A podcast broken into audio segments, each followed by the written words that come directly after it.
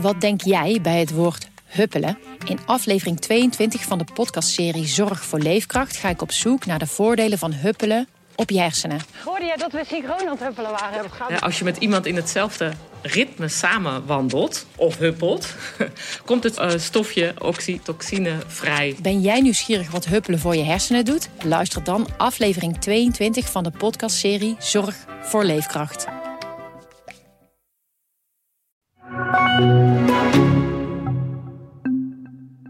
Soms 12 uur ging mijn telefoon, dan moest ik weggaan en uh, zo maakte ik mijn geld. Buiten had ik een PGP-telefoon en dat was echt alleen maar berichten versturen, zeg maar. En zodra die telefoon ging, je, je moet gewoon actie ondernemen. Je kan niet, uh, kijk morgen wel, snap je?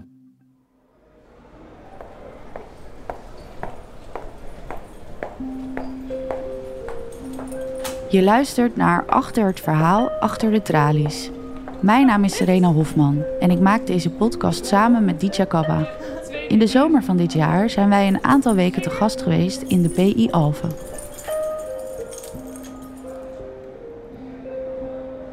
Um, nou, iets wat me heel erg bijbleef van een van deze jongens die vertelde hoe moeilijk het bijvoorbeeld was om gewoon weer een supermarkt in te lopen.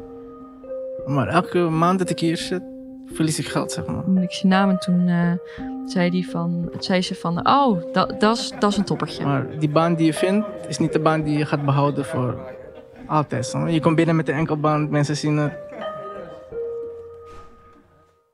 Um, wij hebben de laatste weken met best uh, wat gedetineerden gesproken. En um, wat we merken is dat ze um, heel erg van dag tot dag leven hier. komt dat ook naar voren in gesprekken die jij met ze voert? Zeker. Ja, je hebt natuurlijk van alles waar je op dit moment mee te dealen hebt als je hier vastzit. En dat kunnen kleine vragen zijn, dat kunnen grote vragen zijn. Um, dat kan zijn, goh, ik loop hier tegenaan op de afdeling. Omdat het gewoon niet zo lekker ligt met, uh, met iemand anders. En we botsen daarin de hele tijd. En ik kan daar eigenlijk niet zo goed mee omgaan. Maar dat kan ook in grotere vragen zijn. Van, goh, ja, ik, ik had eigenlijk niet verwacht dat ik hier ooit terecht zou komen. Um, en dat doet iets met je, met je zelfbeeld. Je zal je daar opnieuw toe moeten gaan verhouden. Wie ben ik eigenlijk? Um, en dat zijn vragen die nu voor mensen spelen. Van goh, ik heb nu het stempel gedetineerde. Um, ja, wie ben ik dan nu eigenlijk? Ja. Merel hoorde je al eerder in deze serie. Zij is humanist binnen de gevangenis en krijgt veel mee van de mentale gezondheid van gedetineerden.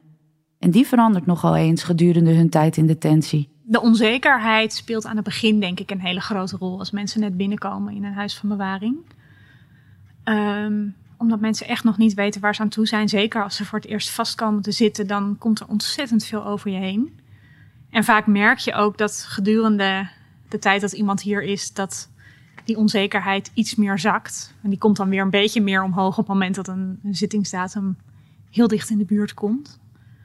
Um, maar omdat ik in een huis van bewaring werk, nu al vijf jaar, is dat wel ook de fase van het traject waar ik mensen het meest ben tegengekomen. En eenmaal buiten is het gevangenisleven niet gelijk uit je systeem. En we hebben nu zelfs twee mannen die ik nog ken vanuit het begin van hun traject, die als ervaringsdeskundige in een training die we hier geven komen vertellen over hoe hun leven was op het moment dat ze weer buiten kwamen en waar ze toen allemaal tegenaan zijn gelopen. En met hun is het ontzettend goed gegaan. Die hebben een baan en um, die hebben eigenlijk alles waarvan ze mij vertelden dat ze daar zo van droomden op het moment dat ze hier binnen zaten, is hun gelukt. Maar dat was niet makkelijk. En dat is ook waar ze gedetineerden hier binnen over komen vertellen in die cursus. Ja, nu ben ik natuurlijk heel benieuwd naar wat zij dan hebben meegemaakt als ze naar buiten gaan. Um, nou, iets wat me heel erg bijbleef van een van deze jongens die vertelde hoe moeilijk het bijvoorbeeld was om gewoon weer een supermarkt in te lopen het moment dat je hier de hele tijd uh, nou ja, in een vrij prikkelarme omgeving zit. Uh, en steeds de hele tijd met dezelfde mensen. Um, is het best wel een uitdaging om buiten weer het gewone leven op te pakken. Of ergens midden in een restaurant te gaan zitten. Omdat je heel erg gewend bent om te scannen wat er om je heen gebeurt. Uh, wat anderen aan het doen zijn. Dus om, dan met je rug bijvoorbeeld naar, uh, naar een restaurant toe te gaan zitten. In plaats van met je rug tegen de muur dat vraagt echt iets en een bewuste keuze om daar buiten eh, dat ook echt te doen. Dus er komt best wel veel over je heen. Nog los ook van nou ja, het beeld dat anderen misschien van jou kunnen hebben. ehm, en dat je je echt moet bewijzen als ex-gedetineerde. Hebben ze daar last van? Ik denk in veel gevallen wel, ja. Ik zie natuurlijk ook mensen die naar buiten zijn gegaan en die hier weer opnieuw eh, binnenkomen. En dat is wel wat ik ook echt van mensen terug hoor. Dat je ook weer kansen moet krijgen. Dat mensen zeggen, ja, jou neem ik aan. Dat, eh, dat is niet altijd makkelijk. Want er zijn toch echt wel heel veel vooroordelen eh, over ex-gedetineerden. Na een tijd in detentie is reïntegreren een lastige opgave. We spraken hierover met Karim. Na een straf van vier jaar moet hij nog maar een paar maanden zitten. Dus bereidt hij zich nu voor op het leven buiten. Oké, nou, ik zit nu twee jaar vast. Maar in november begint mijn VI. Tenminste, dan mag ik beginnen met faceren, de laatste acht maanden. En dan moet je werk buiten hebben, je enkelband. En eh, als dat niet lukt, dan kan je naar het BBA gaan. Dus dan moet je werken en dan moet je terug naar de PI komen. Maar je hebt bepaalde vrijheden zoals eh, telefoon, internet, dat soort dingen. Dus daar kijk je heel erg naar uit. Heel erg. En nu moet je nog acht maanden zijn? Nee, nog eind november Ja? mag ik beginnen met faceren. Ja? En juli 2023 is mijn straf afgelopen. Als ik tot juli hier blijf, ben ik klaar met mijn straf. Maar liever zo snel mogelijk uh, enkelband en naar buiten. Maar elke maand dat ik hier zit, verlies ik geld, zeg maar. Je moet huur betalen. Je, moeder moet geld hebben, je vriendin moet geld hebben. Dus liefst zo snel mogelijk naar buiten gaan, zodat je gewoon rustig alles weer kan oppakken. Dus hopelijk voor de kerst ben ik buiten. Hey, en ik hoorde je net, vertelde je al heel snel eh eventjes iets over eh, die fase waar je dan eh, nu in zit. Jij noemt het faceren, hè? Ja. Kun je, kun je uitleggen wat het precies is? Nou kijk, ik had een straf van vier jaar. Dus dan moet je 2,5 jaar moet je zitten. In je laatste acht maanden, zeg maar, mag je, eh, heb je kans om naar buiten te gaan. Maar vroeger had je open kamp. Dan ging je naar open kamp en dan kon je elke weekend naar huis gaan. Maar dat is er niet meer. Dus nu, of je gaat... Karim heeft het hier over het penitentiair programma, oftewel PP. Dit houdt in dat hij tijdens de laatste fase van zijn gevangenisstraf met een enkelband naar buiten mag, als hij een baan, huis en sociaal netwerk heeft. In die enkelband zit een GPS-systeem, waardoor hij ten alle tijden onder toezicht staat. Maar vanaf 1 december 2021 is PP er alleen nog voor gedetineerden met een kortere celstraf van zes maanden tot één jaar. Alle mensen die hierna een langere celstraf hebben gekregen van de rechter, kunnen in aanmerking komen voor de BBA, beperkt beveiligde afdeling.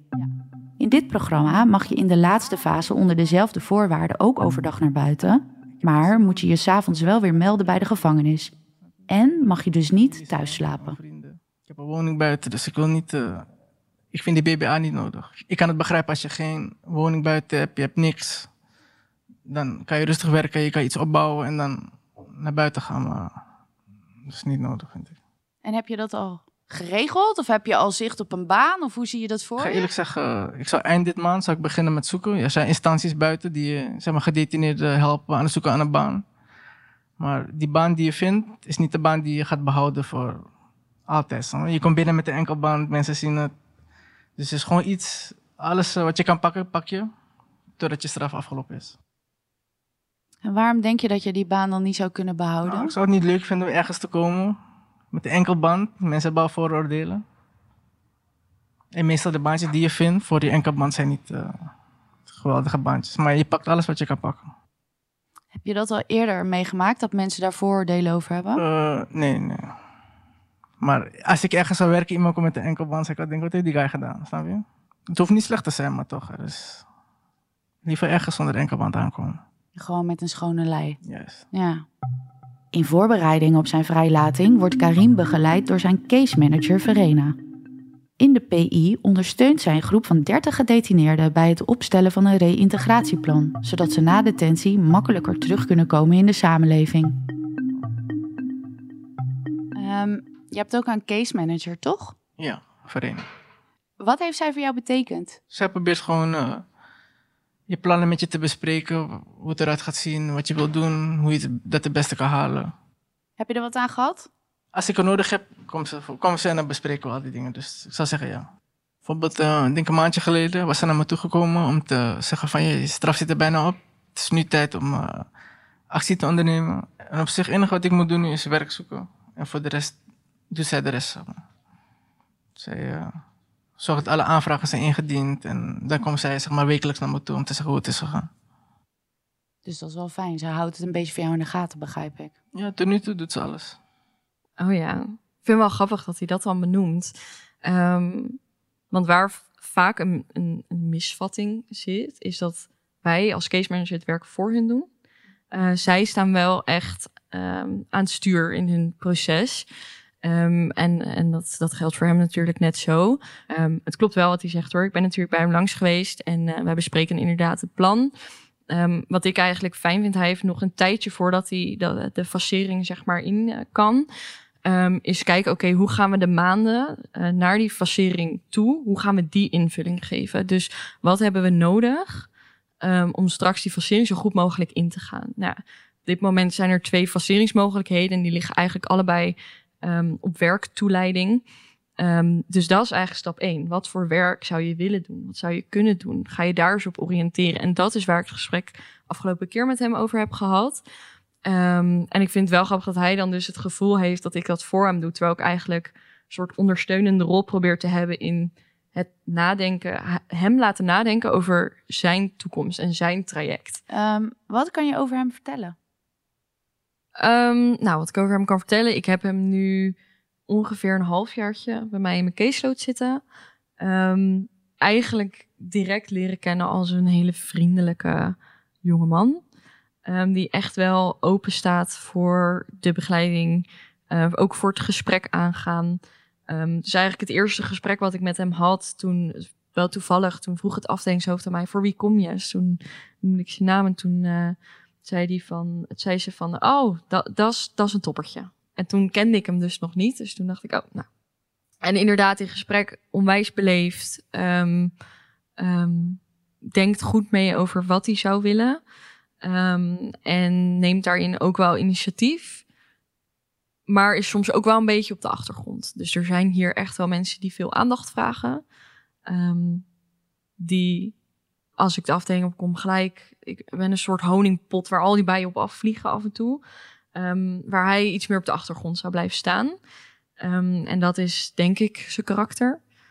En ja, hij is wel heel erg in zijn hoofd bezig met wat wil ik en waar wil ik naartoe. en verder, hij pakt alles aan wat hij aan kan pakken. Trainingen pakt hij op.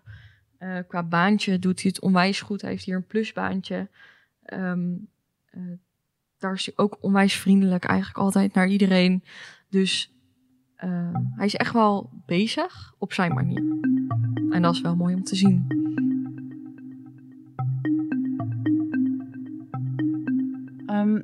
Ben je veranderd tijdens je, uh, je verblijf hier?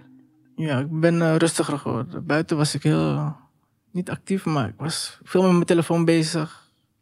Soms 12 uur ging mijn telefoon, dan moest ik weggaan. En nu ik geen telefoon heb, heb ik rust gevonden. Dat is het enige ik hoop dat ik dat mee kan nemen naar buiten. Waarom was die telefoon zo belangrijk voor jou? Zo maakte ik mijn geld. Buiten had ik een PGP-telefoon. En dat was echt alleen maar berichten versturen, zeg maar. En zodra die telefoon ging, je, je moet gewoon actie ondernemen. Je kan niet, uh, kijk morgen wel, snap je? En op een gegeven moment, uh, maar zeggen, mijn laatste zes maanden voordat ik opgepakt werd, elke keer als mijn telefoon ging, kreeg ik gewoon een rare onderbuikgevoel. Maar nu niet meer. Als ik buiten ben, gewoon een normale telefoon. En, uh... Misschien gewoon een uh, eh, 3310 of zo, waar je alleen maar mee kunt nee, sms'en. Nee, nee, Geen snacks spelen. en wat zou je nog meer uh, willen straks als je buiten bent? Want je zei net van, ik wil dan met de enkelband wel vast gaan werken, maar dan wil ik eigenlijk niet op dat werk blijven, omdat mensen dan misschien een vooroordeel over mij hebben.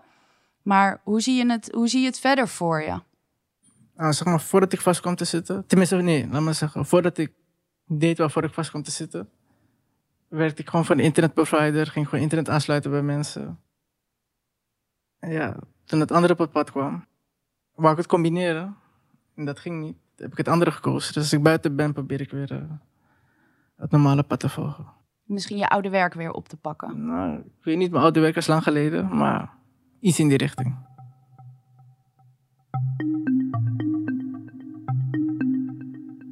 Zeg maar, je bent dus best wel lang bezig met iemands traject. Mhm. Ehm, en je bent er dus ook heel bewust bij wanneer iemand echt bijna weggaat. Ja. Hoe voel je je als iemand uit je caseload weggaat? Eh, bij de ene denk ik, nou, eh, ik vond het onwijs gezellig, maar het is echt tijd dat je nu het zelf eh, gaat doen. Ehm, en bij de ander denk ik, goh, hoe zou het nu met hem gaan? Maar dat, dat, dat weet je niet. Dat, dat, ja, er is ook geen mogelijkheid om daarachter te komen. Maar dan hoop ik toch wel, oh, het ga je goed, weet je wel? En ehm, soms dan lopen ze langs ons kantoor en dan zie je ze gaan met de, met de blauwe zak. En dan, dan zeg je het ook, hè? Succes, eh, het ga je goed. Ehm, en dat meen ik dan ook wel echt. En kan het zomaar zijn dat ik een maand later in mijn auto zit en denk... Hmm, hoe, zou het eigenlijk met hem gaan? Weet je wel, lukt het hem allemaal nog? En ehm, alle hulpverlening die we er omheen hadden, hadden opgebouwd... is dat eigenlijk allemaal van de grond gekomen. En ehm, dus ja, en bij de een, eh, ja, de een, heel eerlijk...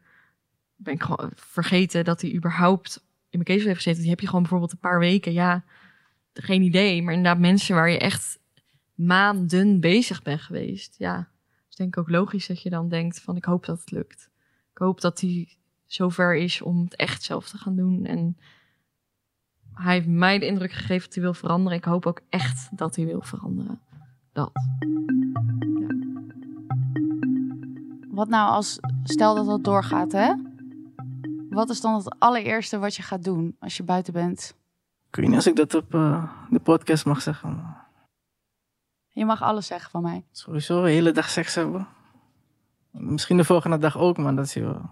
Ja, ik weet niet. Mensen zeggen altijd McDonald's eten, dat soort dingen. Maar dat, eh, dat is niet mijn ding. Ik weet niet. Ik wil even op internet zitten, dat wil ik wel doen. maar voor je? Je hebt veel gemist in twee jaar.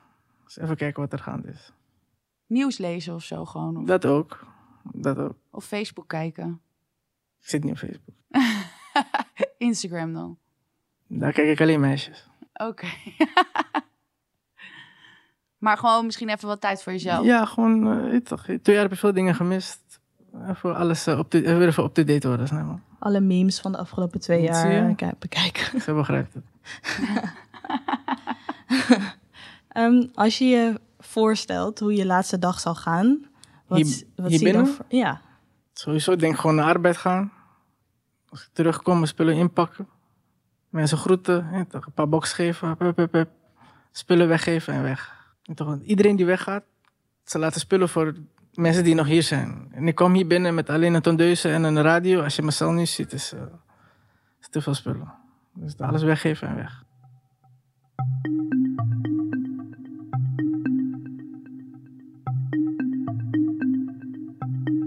En dan ben je vrij. Wat komt er van al die voorbereidingen terecht? In de volgende aflevering, Vast en Vrij, praten we met Richard. Speciaal voor deze podcast kwam hij terug naar de Alphense gevangenis, waar hij vijf keer vastgezeten heeft. Dit is Achter het Verhaal, Achter de Tralies, een podcast van het AD. Mijn naam is Serena Hofman, verslaggever van AD Groene Hart en ik maak deze podcast samen met Ditya Kabba, podcaster bij DPG Media.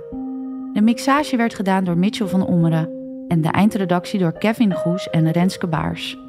Met dank aan iedereen die heeft meegewerkt aan een interview voor deze podcast. Abonneer je nu via je favoriete podcast-app en als je meer podcast van het AD wil luisteren, ga dan naar ad.nl/podcast.